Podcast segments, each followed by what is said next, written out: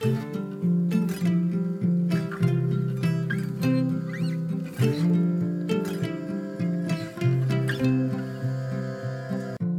och välkommen till For Health med Anna Sparre! Idag ska vi prata om några vanliga näringsbrister och några hälsobesvär som kan bero på de här bristerna. Under några veckor här mitt i sommaren så blir det lite kortare podcastavsnitt med mer konkreta tips innan det är dags att klippa ihop långa intervjuer med några tunga namn och gäster.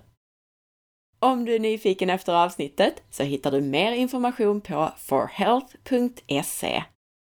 Du kan också boka mig som föreläsare. Jag föreläser bland annat för företag och privata grupper. Eller så kan du boka en intensivkurs eller hälsohelg för din grupp hos mig på Österlen. Du kan väl dela det här avsnittet med minst en vän och med en länk på Facebook som ditt sätt att både hjälpa dina vänner till en bättre hälsa och att hjälpa podden att överleva med allt sitt gratis innehåll. Tusen tack för detta! Vill också rikta ett enormt tack till alla er som på sistone lämnat era recensioner i iTunes. Mycket viktigt att du lämnar recensioner om du vill ha fler avsnitt. Och du, passa på att ligga i solstolen eller hängmattan och lyssna på gamla avsnitt som du har missat.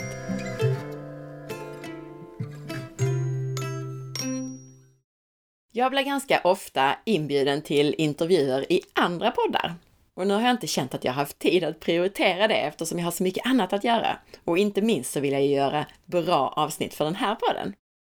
Men hur som helst, i samband med det så får jag ibland frågan om vad min specialitet är för någonting. Vilket område jag är bäst på, så att säga. Och det gör mig alltid lite perplex. För om sanningen ska fram så varken vet jag eller vill ha en specialitet. Jag vill ju kunna hitta orsaker till mina klienters hälsoproblem oavsett vad det är för någonting.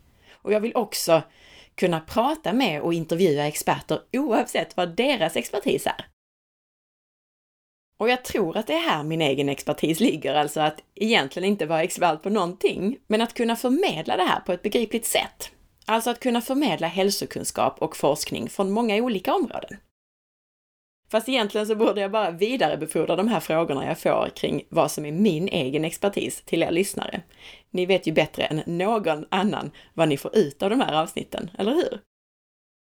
Rent erfarenhetsmässigt så skulle jag nog ändå säga att de klienter jag jobbar mest med, det är de som är stressade och utmattade. Och det är inte alltid så att de söker min hjälp på grund av det, utan de söker på grund av olika hormonella störningar, svårighet att gå ner i vikt och så vidare. Men vi brukar ganska snart inse att det är stress och utmattning som är grundproblemet.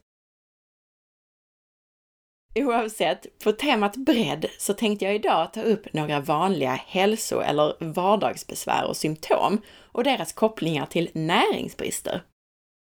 Det hade gått att göra hur många avsnitt som helst på det här temat, för det är verkligen brett. Dels hade vi kunnat prata kring generella kopplingar mellan näringsämnen och symptom, och dels så kan vi dyka ner i vanliga hälsobesvär. Det finns generella kopplingar som alla som arbetar med vård eller hälsa borde känna till. Och det gäller saker som att järnbrist ger trötthet och utmattning och sköra naglar. Zinkbrist gör att man tappar smak och kan få prickar på naglarna och hudåkommor. D-vitaminbrist gör att man lätt och ofta blir förkyld och så vidare och så vidare. Och idag dyker vi ner i några vanliga besvär. Håravfall, kroppslukt, sockersug och röda prickar. Håravfall kan förekomma av en mängd olika anledningar. Allt från hormonella obalanser till autoimmuna sjukdomar till näringsbrister. Och näringsbristerna i sig kan variera. Men ett ämne som där brist kan ge håravfall och som jag har upptäckt att ganska många har brist på via de här organic acids-testerna som jag gör, är ett ämne som kallas för biotin. Och biotin räknas som ett B-vitamin, vitamin B7, och det kallas ibland även för vitamin H. Det här ämnet behövs för omsättningen av våra energiämnen, fett, protein och kolhydrater. Och biotin stärker hår och naglar. Vid brist på biotin så brukar man först se förändringar i huden och sköra naglar. Man känner ofta också av trötthet och sen håravfall. Lever, alltså inälvsmat, är bästa källan för biotin. Även äggula är rik på biotin. Men tänk då på, om du ska äta äggula, att du inte äter rå äggvita eftersom det innehåller ett ämne som kan binda till biotin så att vi inte tar upp det. Avokado, svamp och nötter innehåller också biotin. Men kom som sagt ihåg att både håravfall och trötthet också kan bero på järnbrist och andra näringsbrister. Järn och tester av järn pratade jag om i avsnitt 85. Oavsett, är du en av dem som tycker att du äter paleo men inte äter inälvsmat så riskerar du ju att få brist på både biotin och järn, till exempel. Nästa sak jag tänkte prata om är det här med illaluktande kroppslukt, andedräkt eller fötter.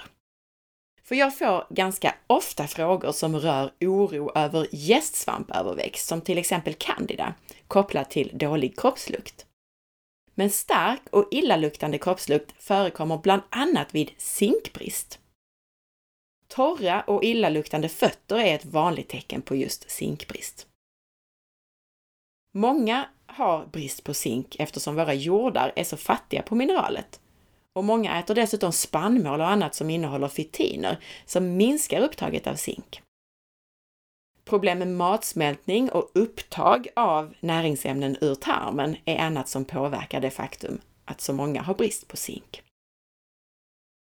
Och dålig lukt kan såklart bero på andra saker. Allt från varma fötter i syntetiska skor till en lever som inte fungerar som den ska och inte så att säga avgiftar, utför biotransformation som den ska.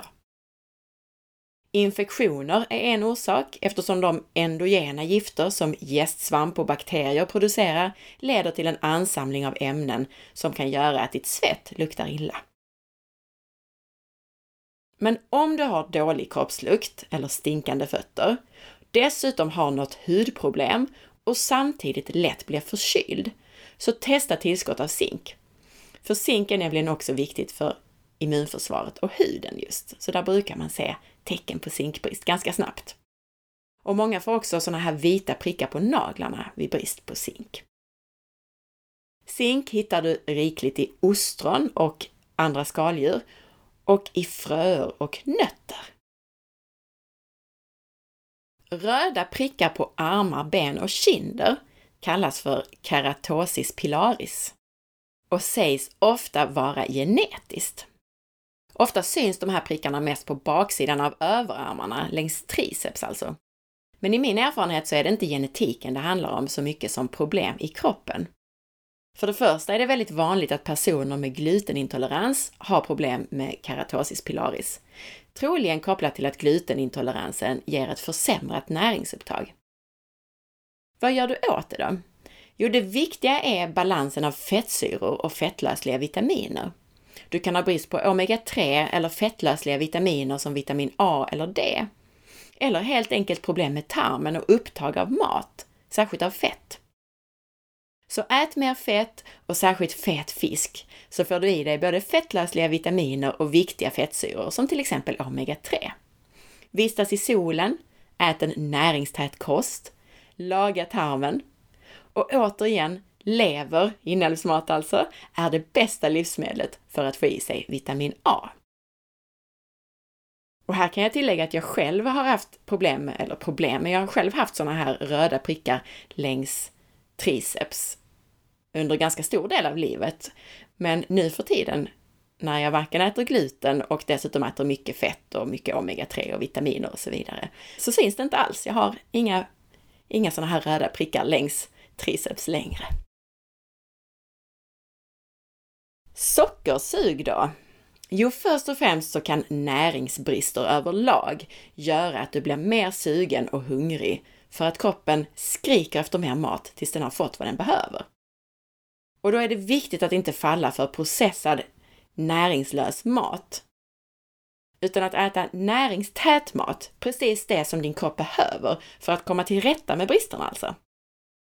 Generellt så kan brist på spårämnen öka ditt sötsug. Krom är ett välkänt sådant spårämne eftersom krom behövs för insulinkänsligheten så att cellerna kan ta upp och använda blodsocker som energi. Per-Johan Fager som var med i det mycket intressanta podcastavsnittet, avsnitt 113, han skickade mig ett trevligt brev och sin nya bok och Per-Johan skriver i sitt brev bland annat Jag är övertygad om att litiumbrist är en viktig komponent när det gäller beroende. Det är ju så att litium stärker serotoninsvaret och hämmar dopaminsvaret. På så vis krävs det mindre serotonin för att vi ska känna oss glada och tillfreds.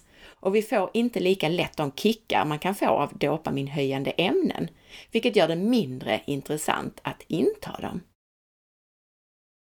Han pratar alltså om de här må bra-substanserna serotonin och dopamin och hur litium påverkar dem och ska hålla dem i balans. Men har man brist så kan det alltså vara lättare att man faller för sånt som, som eh, höjer de här ämnena.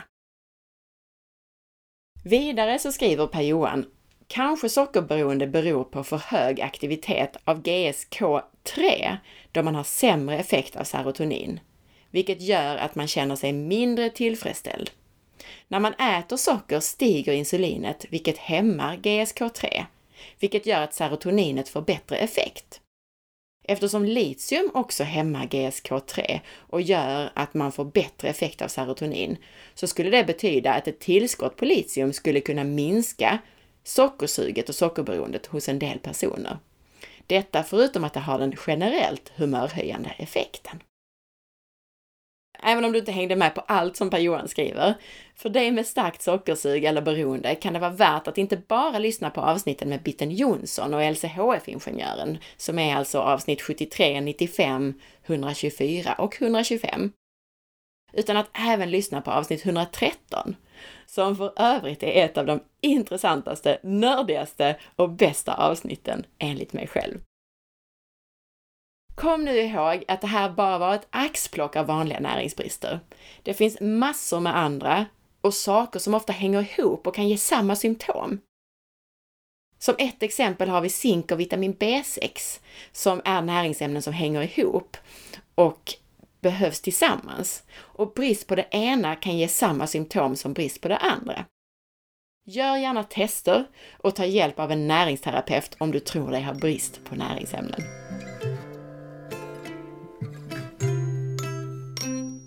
Tack för att du lyssnade!